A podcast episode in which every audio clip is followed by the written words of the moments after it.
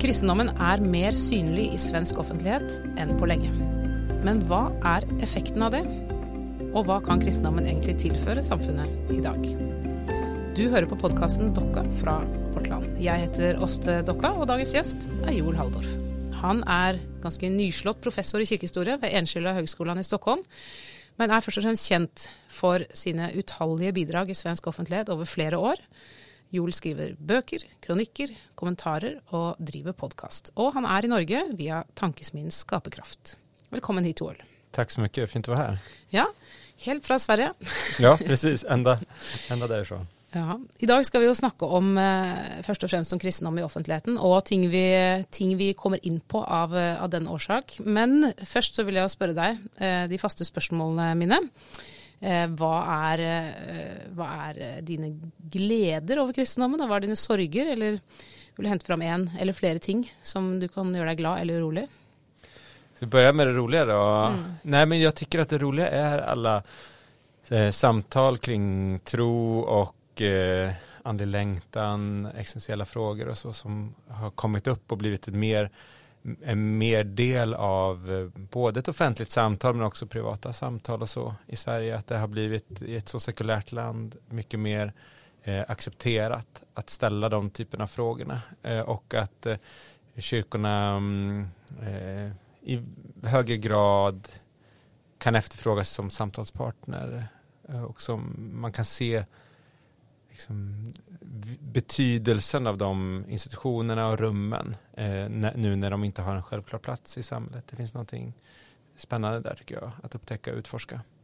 Men eh, det, dette du snakker om nå, det er jo noe som kanskje har skjedd de siste fem-ti Mm. årene. Eh, men du hadde jo et eh, Du ble jo teolog før det, du ble kristen før det, eller var, var kanskje alltid tenkt om deg selv som kristen. Har, Mm. har det vært eh, andre ting som har eh, vært en drivkraft for deg, og som har gjort att du blev, blev værende i det? För mig, så att jag blev teolog hade mycket att göra med att jag ville jag, jag, jag, jag, jag ville gå till botten med vissa frågor eh, som hade att göra med historiska frågor om eh, liksom Bibelns framväxt och filosofiska och teologiska frågor. Och så. Jag, jag, var, jag, jag ställde mig de frågorna och folk frågade mig de sakerna hela tiden så jag kände att jag behöver få borra i det här och gå så djupt som jag bara kan och se vad vetenskap säger och sådana saker.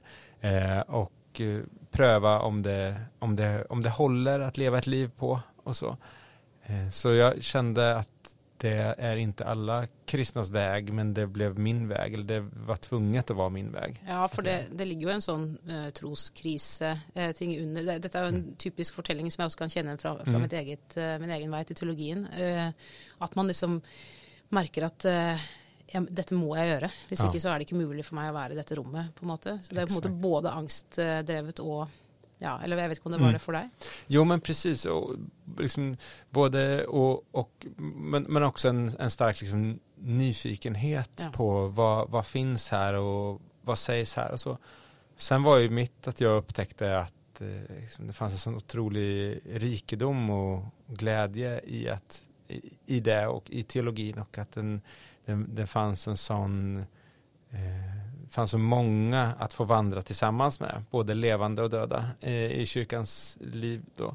Eh, så, så det var väldigt, eh, det har varit en här, ständig källa till glädje då, Mm. eh, för Mm. att knyta an till din fråga. Ja, og er det noe som du um, Når du utforsker nye um, ting i din forskning f.eks., kan du fortsatt få sånne opplevelser? Altså, åh, Ja. Mm. Ja, det kan jag göra. Och när jag hör liksom eh, människor som är formade av eh, kristen teologi och tänkande när de eh, liksom analyserar sin tid och kulturen och så då, och, och gör det. Jag tycker att eh, jag tycker själv att väldigt mycket av den bästa kulturkritiken kommer från teologiskt håll eh, idag. Eh, kyrkan, eller inom teologin har vi så länge hållit på med de här frågorna som just nu blir synliga för, för allt fler. Kan, vad händer i ett samhälle när, det, när, när den andliga dimensionen inte längre är självklar? Eh, vad betyder etik? Vad betyder eh, gemenskap? Hur uppstår gemenskap i samfund och sådana saker? Alltså de frågorna har vi funderat på i, i 200 år sedan vi började få ett mer liksom, pluralistiskt sekulariserat samhälle. Då. Medan nu så börjar man i, i kulturdebatt och politisk debatt ställa sig de frågorna de senaste 10-20 åren. Eh, och då så tror jag att teologin har väldigt mycket att tillföra till de samtalen. Mm. Ja, vi kommer nog lite in på någon av dessa tingene etter hvert i samtalen här. Men um, du måste också berätta vad som verkligen får dig till att miste lite uh, entusiasmen och mm. smärter dig. Ja, det finns också mycket. Eh, men, men, ja, men jag tycker att eh, dels så tycker jag att eh, kyrkorna är mycket mer drivna av, av rädsla än nyfikenhet idag. Speciellt utifrån, det finns många liksom, i, ledande positioner som är mycket mer, som är eh, rädslodrivna eh, och eh, rädda för att kurvorna går ner, medlemskapet minskar och sådana saker. Jag förstår att man kan vara orolig för det, men, men det, det leder, kan jag se, till ett kontrollbehov att man är alldeles, man slår ner uppifrån med kyrkliga makten. Och och ehm, man tar inte vara på saker och ting som växer underifrån för att man kan inte själv kontrollera det och då vågar man inte släppa fram det. Eh, det där tycker jag har blivit mer och mer tydligt de senaste åren ju mer jag har kommit in i och fått närmare se liksom, den, den, det, det var mycket värre än vad jag trodde. Men gäller det alla typer kyrkosamfund eller är det, tänker du på Svenska kyrkan eller? Nej, men det finns, de här strukturerna finns nog i, i alla samfund, men jag har sett det i Svenska kyrkan, jag har sett det i pingströrelsen, jag har sett det liksom i, i flera eh, olika sammanhang, det här liksom kontrollbehovet uppifrån eh, och eh, att inte ta vara på det som växer underifrån eh, för att man inte, eh, och man använder olika typer av maktmedel. Man kan använda kyrkojuridik och man kan använda liksom, teologiskt eh, språk och så.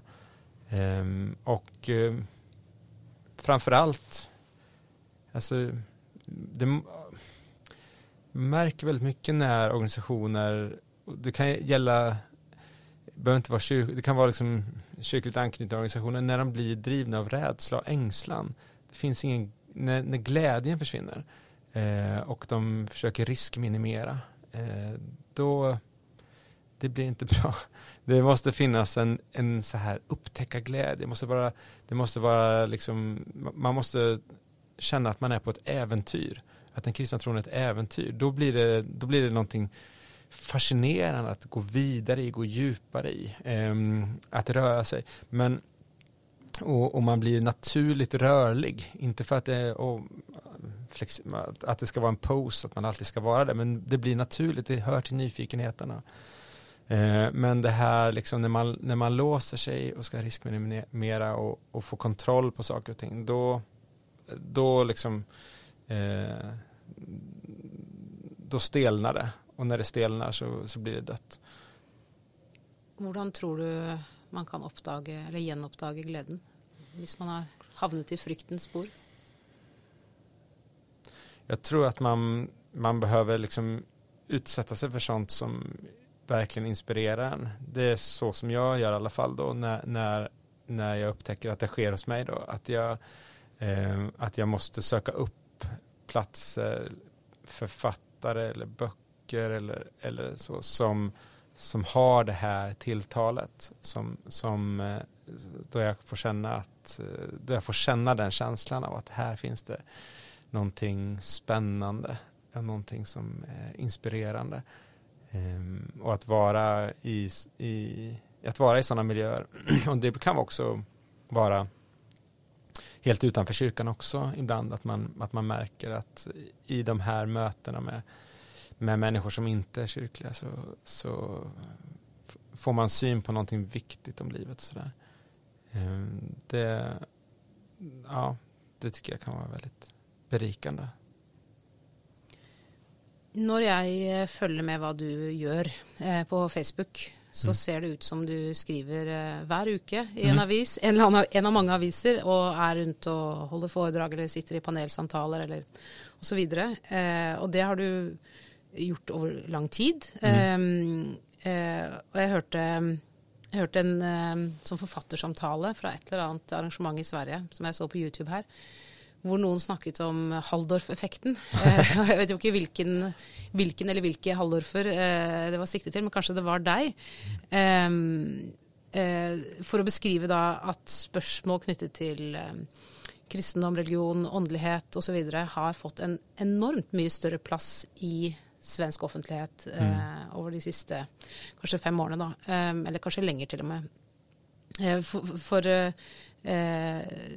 Sverige, vi, vi jo ofte, tenker jo ofte i Norge at Sverige ligger, litt, ligger ti år foran oss uh, i de fleste sånne tendenser. Så uh, spørs, altså stat-kirke, ikke sant. Det skillet kom før i Sverige. Sekulariseringsprosesser osv. At vi kan, vi kan, se til Sverige hvis vi lurer på hva som kommer til å skje. Mm. Um, så dette er jo, når vi snakker om Sverige nå, så er det jo også med, ta med tanke på Norge, for så vidt. Ja. Um, det har en relevans for oss også. Men, men, men kan du si noe om um, Eh, stemmer det inntrykket da at, at i Sverige så, så, har det skjedd noe med, med samtalen eh, over tid? Skal vi ja. snakke litt mer om din rolle også, men vi kan ta det med Sverige først. Ja, men det er mange som sier det, som har fulgt med i de her eh, frågorna lenger enn hva jeg har gjort, at det har skjedd en, et skifte de seneste fem, ti årene. Så der, eh, der, der, der de her frågorna har fått mye større utrymme i debatten og så.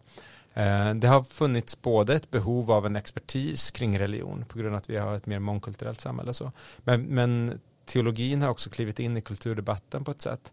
Eh, ska man se det som en så här makrotrend så kan man säga att Sverige har rört sig mot ett tillstånd som teologer kallar för postsekulärt. Det vill säga du börjar i en, du börjar i en, i en tid då det, då det kristna är norm. Eh, och sen så sker det en uppgörelse med, med det kristna, och då blir det sekulära norm. Eh, men sen så går du vidare till en postsekulär fas där, där varken det sekulära eller det religiösa är norm utan du har en, en sann pluralism. I Norge talar ni mycket om det livsåskådningsöppna samfund.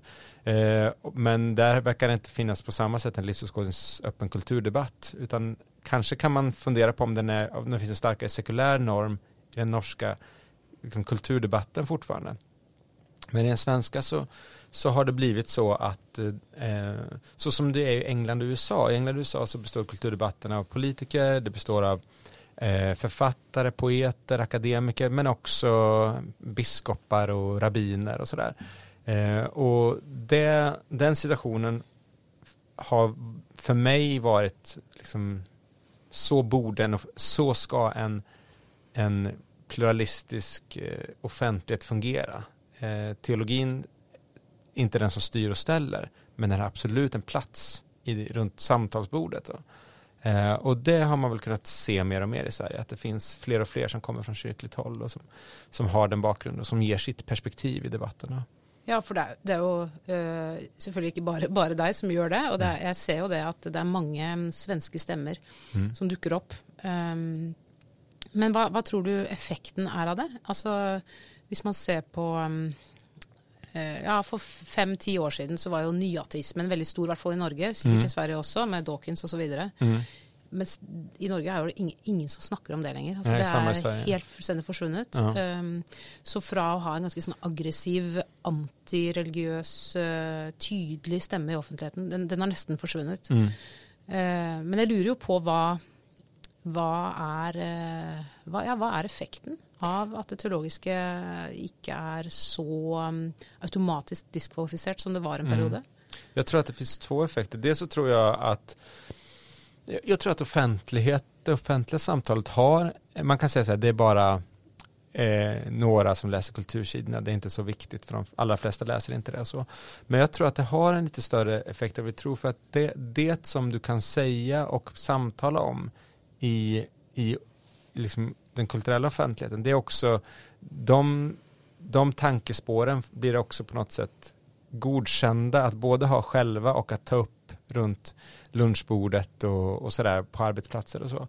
Eh, och jag tror att kristna kan känna sig mer liksom berikade och kanske styrkta och kanske också att de får, man får utvecklas i sin tro genom att man ser jag skriver ju ganska sällan rakt på om kristen tro. Det här är kristen tro, eh, så här funkar det. Utan jag skriver ju om en tv-serie eller en bok eller en politisk trend. Men jag tolkar den utifrån ett teologiskt perspektiv. Ibland uttalat, ibland liksom mer outtalat mellan raderna. Så.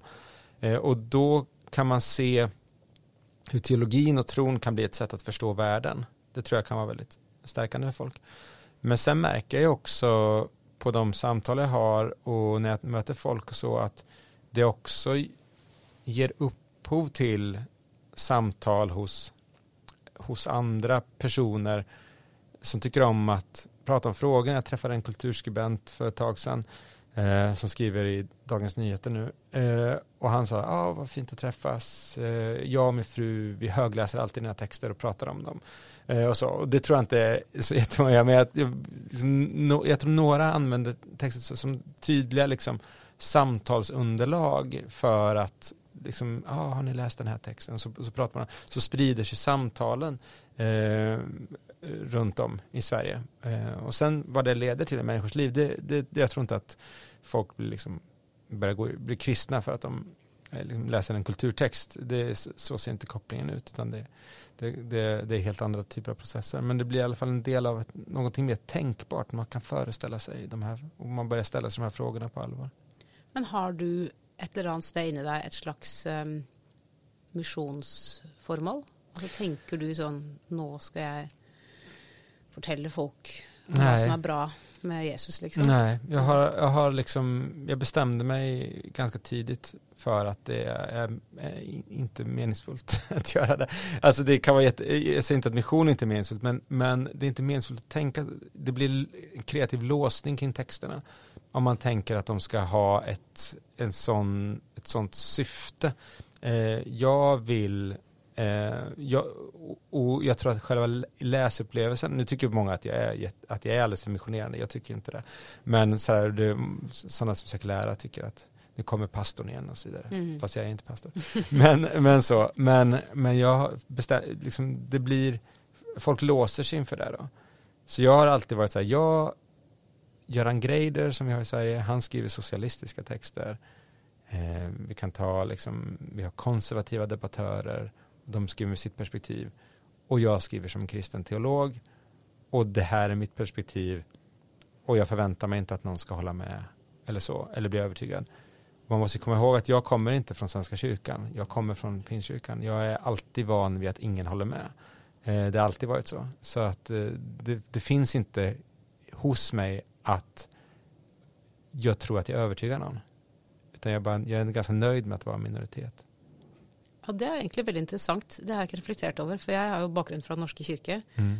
Og har jo liksom på en eller annen måte i ryggmargen, eller i historien, en idé om at liksom hele folket er egentlig ikke sant? Ja.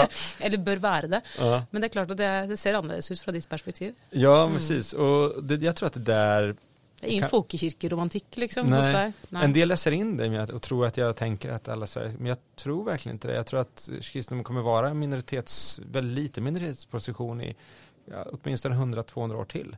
Eh, det vill säga långt bortom liksom min, min levnad. Eh, och, och kanske liksom ännu längre än så. Så jag, jag, jag, jag, jag har, kan liksom genuint, men däremot så tycker jag att det är ohederligt att inte prata om de här frågorna. Eh, och det är ohederligt att jobb, låtsas som att 5-10 procent av Sveriges befolkning inte existerar och att deras perspektiv inte får höras i eh, offentligheten. Det, blir liksom, det är för mig provocerande att man, att man räknar bort en tradition som både är så intellektuellt stark och som också har en så pass stor uppslutning som det ändå är fråga om då, eh, från kulturdebatten. Det tycker inte jag man ska göra. Eh. Men det finnes jo også andre Man kan jo se for seg at du hadde andre typer motivasjon også. F.eks. at du tenker at um, de perspektivene du bringer inn, kan ha noe å si for lovgivning eller for mm. verdispørsmål. Um, la oss, eutanasi, bioteknologi, hva som helst. Mm. Altså det, det finnes jo også, i hvert fall i Norge, eh, absolutt eh, stemmer som tenker at nå må vi som er kristne si noe om dette, fordi vi må påvirke hvordan eh, landet vårt eh, mm. ser ut. Og det er ikke, ikke nødvendigvis med det perspektivet at det vil gjøre folk kristne, men det vil gjøre at lovverket er f.eks. Eller skolan är bättre, är bättre. Ja, jo men det tycker jag att man kan ha ett ansvar som, som alla liksom, samfundsmedborgare har. Och det har nog blivit mer så med åren. I början, och det är också när man började för tio år sedan så var ju saker och ting bättre skick än vad de är nu. Men nu till exempel eh, så om man tar bara sån sak som lokalt där jag bor så fungerar ungdomspsykiatrin, barnpsykiatrin väldigt dåligt. Mm. Eh, och folk slutar och vänner som har barn som behöver hjälp får inte hjälp och sådär. Och om jag, jag skriver då i den lokala tidningen då tycker jag att jag har ett ansvar som medmänniska och medborgare att säga det här är faktiskt helt orimligt i ett så rikt samhälle som Sverige och Linköping där jag bor. Att vi har så dålig barnpsykiatri. Eh, och och på, på sådana frågor att man har, man har som kristen också eh, ett ansvar för att liksom bidra. Men då får man ju argumentera på ett sådant sätt så att, så att argumenten blir begripliga för människor som inte delar ens kristna tro. Ja, det är lite sån Habermas-tänkning. Ja, ja, lite mm. så. Eh, mm. och, och, och då, då, får man ju ofta, det kan ju vara så att man har har en typ, men kristendomen är ju väldigt översättningsbar. Det liksom ligger ju i i vår, liksom, det grundläggande inkarnationstanken att, att, att, eh, man, man, att den är kulturellt mjuk och kan liksom, den naturliga uppenbarelsen, det finns liksom vissa mått av kontinuitet mellan det. Eh, dödshjälp är lite svårt, men jag tror att det är möjligt där också. Jag är ju inte för dödshjälp till exempel. Då. Eh, och, eh, och, och liksom, och för mig personligen så finns det ju någon slags idé här om att livet är heligt och sådana saker. Men jag tror också att det leder till väldigt negativa sociala konsekvenser i form av press på människor att avsluta sina liv när de blir för kostsamma. Och vad, gör det för vårt vad gör det med vårt samhälle när vi börjar att behandla människoliv på det här sättet, att det är någonting som vi ska besluta om och vi ska ha dödspatruller som avslutar människors liv och sådär. Det tror jag är en väldigt negativ utveckling och det tror jag man kan förklara för människor som, som har en sekulär då. Ja, och liksom, detta är i stor grad så er jo sånne typer politiske spørsmål etiske spørsmål. Ja. Eh, og den teologiske etikken er jo på en måte den er alltid abstrahert. Mm. Eh, så derfor, jeg syns personlig at eh, det er ikke så veldig gøy teologisk sett. Det kan være interessant og viktig og sånn, mm. men jeg syns ikke det er så spennende. Nei, jeg forstår. det er ikke så mye å utforske der. Mm. Ja.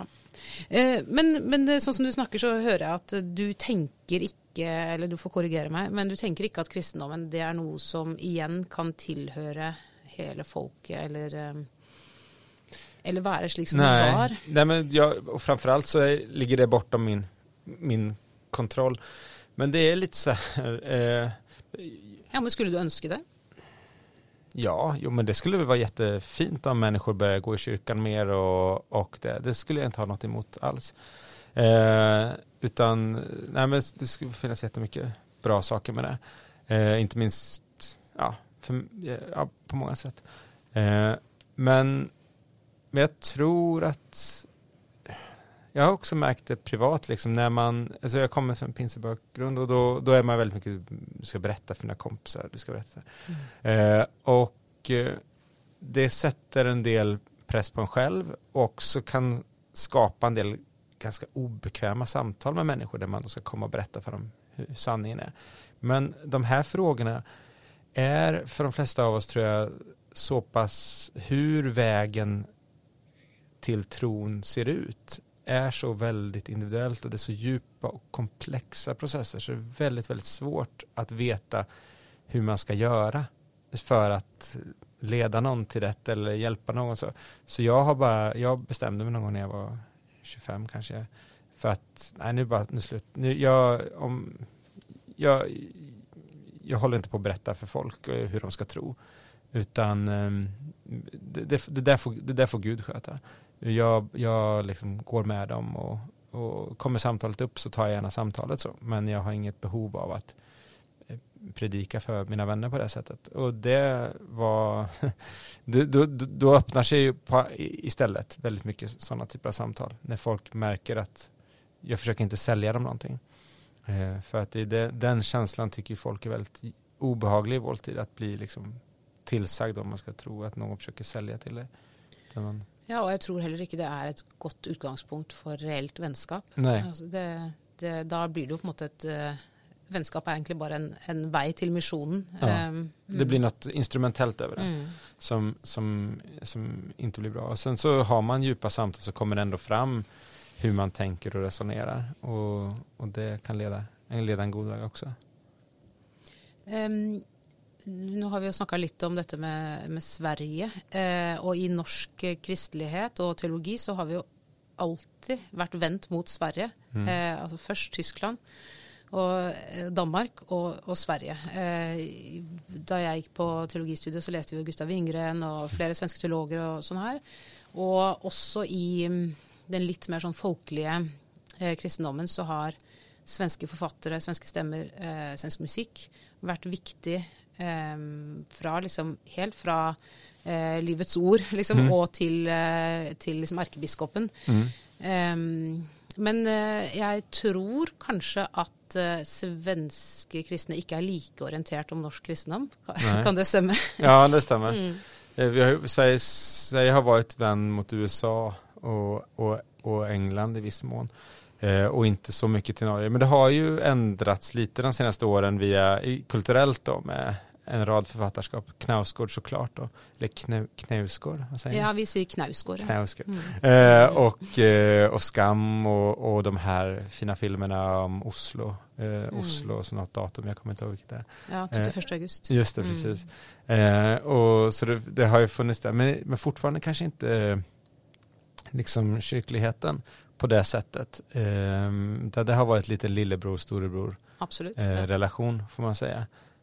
Mm, på, ja, eh, så ja. Nei, dere er jo på en måte slags USA for oss. Ja. Altså, vi, liksom, men, eh, men det er jo selvfølgelig også fordi at eh, Sverige er et eh, land med innbyggere. Så är det. Og dermed så har man dobbelt så mange Altså alt Mm. som er én i Norge, er to i Sverige. Ja, jeg precis. tror også at em, det er noe med at eh, hvis du har en større base, så kan du bygge høyere tårn også. Så du, du, kommer på en måte litt til et annet sted med dobbelt så mange er mer enn dobbelt så mange Ja. i, i, i sånne typer spørsmål. Da. Precis. Sen är ju lands, landskapen, även om de är väldigt mycket som är likt, så är det också väldigt mycket som är olikt. Både att sekulariseringstakten har varit annorlunda här, Norska kyrkan har haft en lite annan profil, att väckelsebevägelserna har gått mycket mer in i Svenska kyrkan, eller Norska kyrkan, Mm. än vad de har gjort i Sverige. Mm. Pinsebevägelsen har varit väldigt eh, har varit, jag har, eh, liksom har legat lite närmare trosrörelsen, eh, har varit mitt intryck eh, eh, i, i Norge än i Sverige.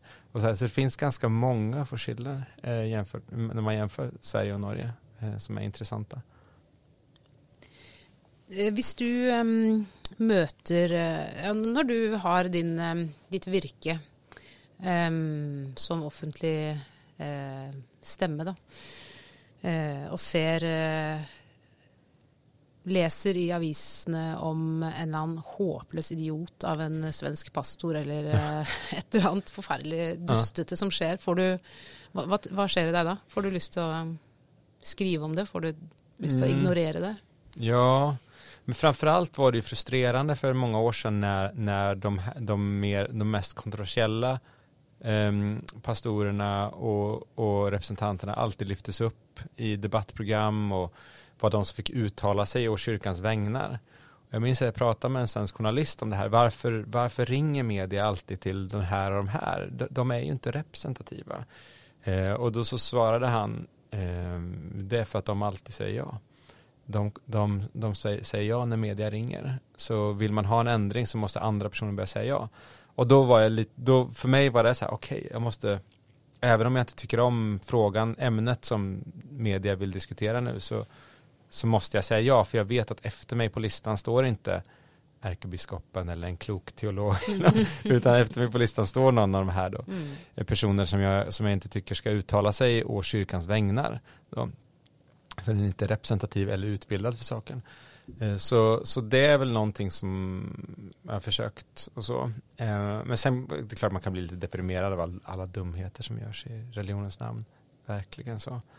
Eh, och att det får en sån, jag minns när vi hade, det var någon otroligt liten grupp som bjöd in till någon samling och de fick inte ens vara i en kyrka utan de skulle samlas på någon restaurang i Stockholm och de skulle vara 15 personer och det var en första sida i Dagens Nyheter. Eh, och då var man så här, vad, hur ser den här medievärderingen ut? Den här, det här är inte ett reellt hot mot Sverige på något sätt. Varför lyfter man fram det här? Och där tycker jag att medierna ibland har liksom, eh, liksom använt en dramaturgi som har gett oproportionerligt stort inflytande avtryck till sådana här typer av personer.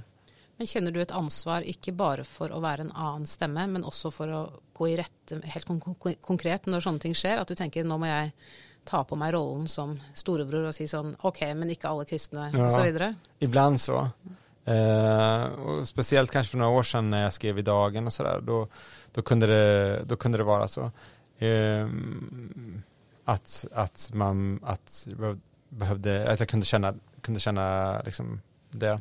Jag, av någon anledning inte, inte lika starkt idag. Jag vet inte om jag tycker att jag, jag tänker kanske att folk borde ha fattat, men det har, det har, ju, det har ju folk inte. Det, jag menar, det finns ju det, det finns ju otroligt, sådana här personer gör ju, ett, gör ju tyvärr mycket skada. Mm.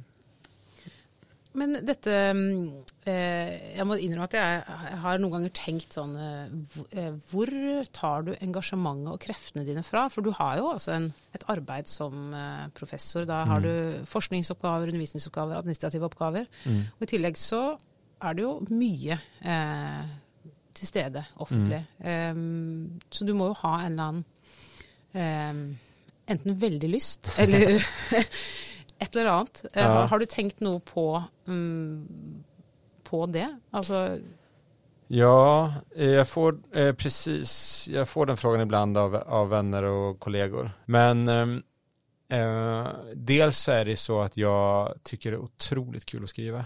Eh, och det man tycker är så roligt eh, hittar man ofta tid till. Är min erfarenhet. Att man, man tränger in det på de här lilla pauserna som uppstår under en dag eller en arbetsdag. Och jag har ofta ett par texter som jag jobbar på hela tiden. Populära texter eh, som jag sitter och, eh, och skriver, skriver på. Eh, och och eh, försöker, det, lite har det ju det här med kreativitet och sådär som vi talade om i början, att, att förstå världen och att med hjälp av tron och teologin förstå det, liksom, det är väldigt, går väldigt djupt till mig, alltså som något väldigt, väldigt lustdrivet. Eh, och något som ger mig otroligt mycket tillbaka. Eh, och så. Men sen så, jag blir ju, jag liksom, jag springer ju varje dag, inte för att hålla mig smal, utan för att hålla mig, eh, vad säger man, sane, att inte bli galen. mm. Eh, alltså det, det, när jag upptäckte hur bra det var för, för huvudet så kunde jag liksom inte sluta. Eh, för det är klart att det blir, det blir lite mycket ibland. Eh, det blir det. Men har det også en eh, kostnad? Um, merker du at det, det kan eh, ta, um, ta mer fra deg enn du egentlig vil gi? Ja, det kan det göra.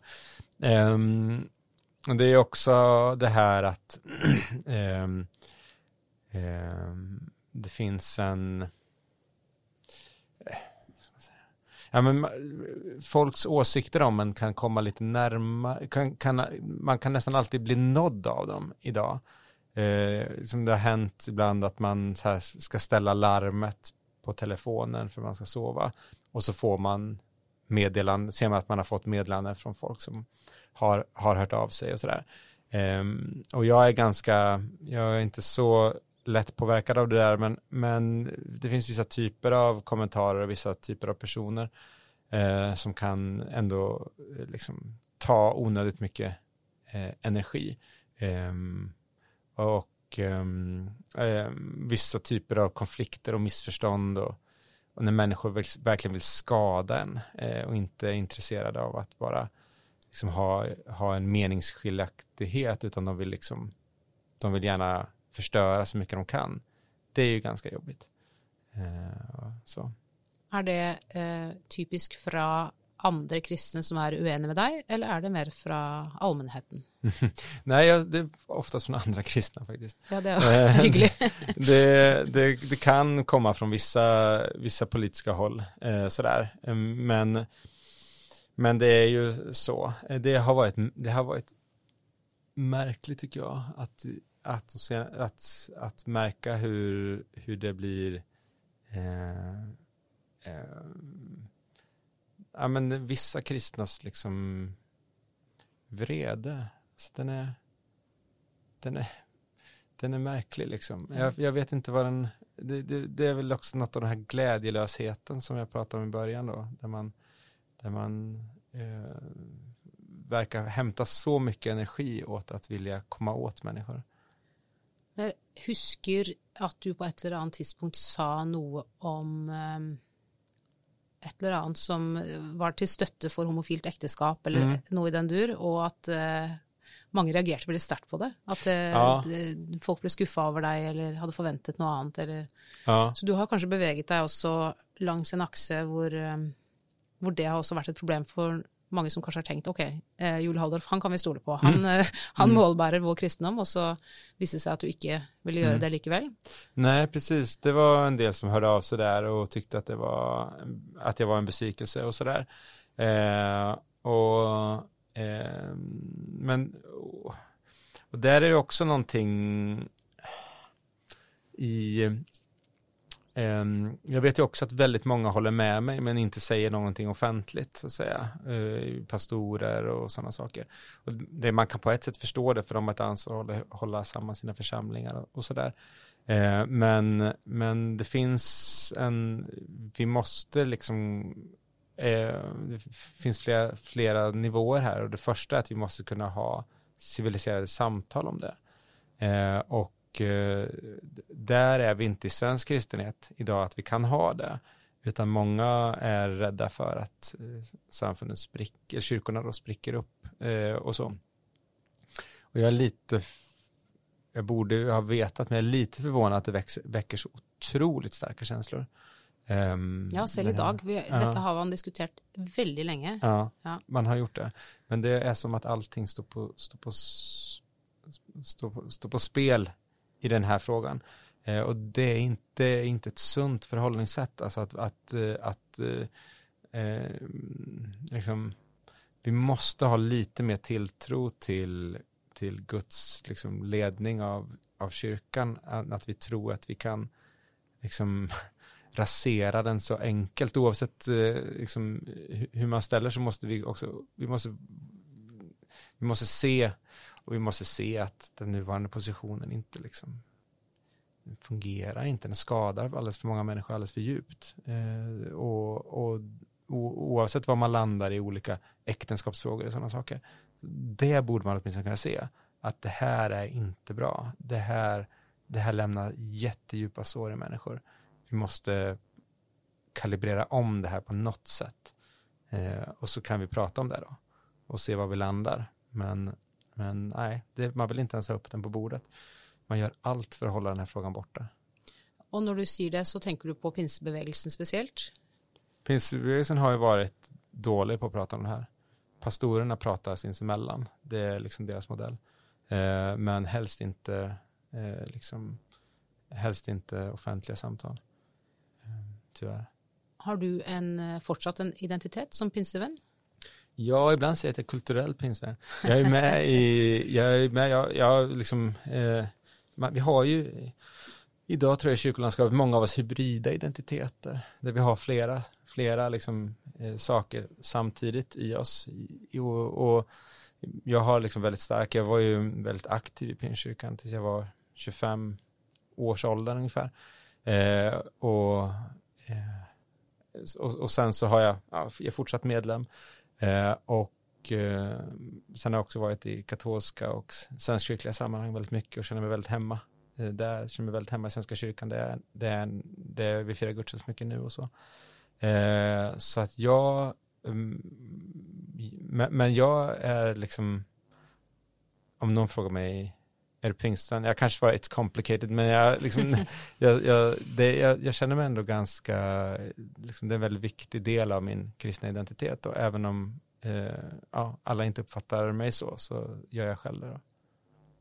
Men om du eh, är på ferie i en by och tänker, ah, nu ska jag gå till kyrkan idag, det är söndag. Mm. Vad är det första du tänker? Är det då pinse, pinsemöte eller är det? Bra fråga. Um, det beror lite på. Det, jag, jag, när man är i en liten by så är man ju ofta om jag var här i Oslo skulle jag nog gärna gå till Pingstförsamlingen. Uh, jag, liksom, ett annat ställe är jag på, det är på en, en liten by i Sverige där vi har ett sommarhus. Då går vi ofta i Svenska kyrkan och men jag har ingen relation, jag vet knappt var Pingstkyrkan ligger i den byn, så att jag, liksom, jag har ingen relation till det. Här vet jag ju faktiskt, i Oslo vet jag var Pingstkyrkan ligger. Eh, så, så att det är nog lite, finns lite variation där om jag känner till församlingen lite eller så. Mm. Har, men har du låtit dina barn döpa för exempel i Svenska kyrkan? Ja, i Svenska kyrkan. Ja, ja. det gjorde vi. Mm. Det, var, det, var, det var vårt eh, gemensamma beslut att vi skulle göra, göra det när vi Eh, vi, hade levt, vi hade levt som länge i svenskkyrkliga och katolska församlingar. Att det var en så tydlig bild för oss att när vi får barn då kommer vi bära fram dem till dop. Vi kommer inte uppfostra dem och säga en dag kommer du få välja själv. Utan vi kommer säga att du är döpt och kristen.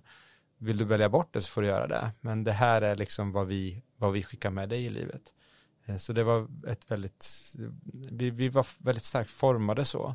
Eh, så det hade, varit väldigt, det, hade varit, det hade inte varit naturligt för oss att säga till våra barn att ja, du ska välja själv och en dag kanske du kan få döpa det så. Vi var inte i det, vi tänkte inte så. Jag och min fru då. Det sista stora temat jag har lust att vi ska snacka om, eh, det är egentligen vad, alltså jag tror alla som är eh, eh, alla teologer eller alla som driver med någon typ av teologisk förmedling, eh, enten det är som präster eller förkynnare eller skriver i avisen eller vad det skulle vara, har ju som ett slags uttalt eller uttalt premiss att kristendomen selvfølgelig eh, har noe viktig å si. Mm. Eh, og det Ja, det kan vi jo si, ja, selvfølgelig har kristendommen noe, noe viktig å si i dag. Eh, men, men, jeg syns det er litt vanskelig å finne eh, argumentere for det noen ganger. Altså, mm. kunne, kunne, vi sett for oss eh, at kristendommen ikke ja, Kristendommen er bare fremmed, kommer fra en annen tid. Eh, alt vi gjør med kristendommen er egentlig å forme den eh, inn i det hullet som finnes i dagens mm -hmm. virkelighet. Och så, ja. Um, nej men det är svårt att i, i abstrakt säga och detta är kristendomens sådär, eh, svar och budskap sådär. Men jag, jag tycker att om man, om man lever i det och går in i det, då, då finns det ändå några saker som gör att det liksom det finns inte, det finns ingen, det är den bästa beskrivningen av, av verkligheten eh, som, som eh, existerar eh, och som jag har, det, det, och, och, för, och för mig, C.S. Lewis har en beskrivning av hur han står i, med, han heter texten Meditations in a Woodshack, uh, eh, Woodshack hur, hur han står Eh, i ett skjul och så ser han hur en ljusstråle faller in i en. Och han står och tittar på den här ljusstrålen och betraktar den utifrån och ser att det är en vacker ljusstråle. Men så går han och ställer sig i ljusstrålen och så ser han, ser han på världen genom ljuset. Då. Eh, och då blir världen tydlig för honom. Han ser ut skogen och ängarna och så där utanför då som ljuset faller inifrån. Eh, och så tänker jag att det är med, med kristna tron. Alltså därför är det här med kulturkritik så, så viktigt för mig. Att när du ställer dig i ljuset så kan du se vissa saker på ett väldigt tydligt sätt då. Um, och det har att göra med om man ändå ska förklara det i abstrakt, alltså förhållandet mellan liksom transcend, Guds transcendens och Guds inkarnation, att, eh, att, att kristendomen eh, håller samman det här på ett så starkt sätt i den treenige guden som, vi, som är treenig för att vi talar bara om Gud genom paradoxer. Eh, för att vi måste tala om Gud men vi, vi kan inte definiera Gud, därför måste vi använda paradoxer som är oändlig eh, och utanför skapelsen, men som också har blivit liksom slagit ner i världen eh, och blivit människa. Eh, och, och, och, just detta att Guds närvaro i världen eh, framförallt är en person och en människa som inte, ett, inte en skriven text. Vi är, liksom, vi är inte muslimer. Eh, Bibeln har inte den, den rollen för oss som den, som den har för, som Koranen har för muslimer, utan vi följer en, vi följer en människa. Eh, och eh, kyrkans liv som andens liv, alltså hela den här, hela den här spänningen mellan det transcendenta, och immanenta, mellan det universella och det partikulära, eh, är, är liksom unikt för kristendomen. Eh, och också som en hjälp att liksom orientera oss i, jag såg att du skrev om avförtrollning häromdagen. Ja. ja, det var mm. väldigt, fin, eh, väldigt spännande text. Jag tror ju på, jag tror på förtrollning väldigt mycket. Eh, och att eh, världen är förtrollad, världen är liksom magisk. Men, men att eh, kristendomen ger också ett språk för det och ett liksom, språk för att Eh, eh, eh, navigera en värld som består av väldigt många olika skikt, väldigt många olika typer av krafter och, och väldigt, väldigt, väldigt mycket helt enkelt. Eh, och en andlig tradition full av liksom, visdom och urskiljning och sådana saker. Så att, ja, det, det, är en väldigt, det är en väldigt rik tradition eh, att leva i. Okej, okay. Helt till sist Joel, om tio år, mm. är du fortsatt uh, svensk kristenhets uh, kämpande ridder? eh, jag vet inte. Jag, jag, har, jag har jättesvårt att eh, med sådana här, eh, så här, ibland gör man ju de här typen av övningarna i familjen, så här, vad ska vi göra om tio år och så. Jag tycker det är jättesvårt att se ens eh, ett eller två år framåt. Jag fyllde ju 40 ganska nyss då. Eh, och det är ju en sån här eh, brytpunkt i livet om man funderar på sina livsval. Man är ung nog att kunna liksom, ja, eh, fundera, är det någonting delvis annat man vill göra så? Men jag, jag trivs ju, som man får ta min utgångspunkt i det som vi liksom började i, liksom i, i skrivandet och så, eh, så, så, så, tycker jag att det är så väldigt, väldigt roligt. Eh, och och eh, jag, det ger mig så väldigt mycket att skriva om teologi och skriva om den kristna tron och att försöka liksom formulera det. Så jag hoppas att jag får göra det om tio år också. Jag tror att eh, det, det, det tror jag är en god um, tendensförlängelse. Men jag tror också at uh, etter deg så kommer det noen som har behov for å gjøre et fadermord. Uh, så det blir også interessant å se. Precis, så er det nå. Joel, tusen takk for praten. Uh, og du, kjære lytter, har hørt på podkasten Dokka fra vårt land. Jeg heter Åste Dokka, og produsent i dag har vært Sondre Bjørdal. Og vi blir veldig glad hvis du setter en stjerne eller fem, ja ikke én, fem stjerner på denne podkasten på spilleren din. Og du kan også gjerne sende oss et forslag til en klok gjest. Ha en riktig fin dag.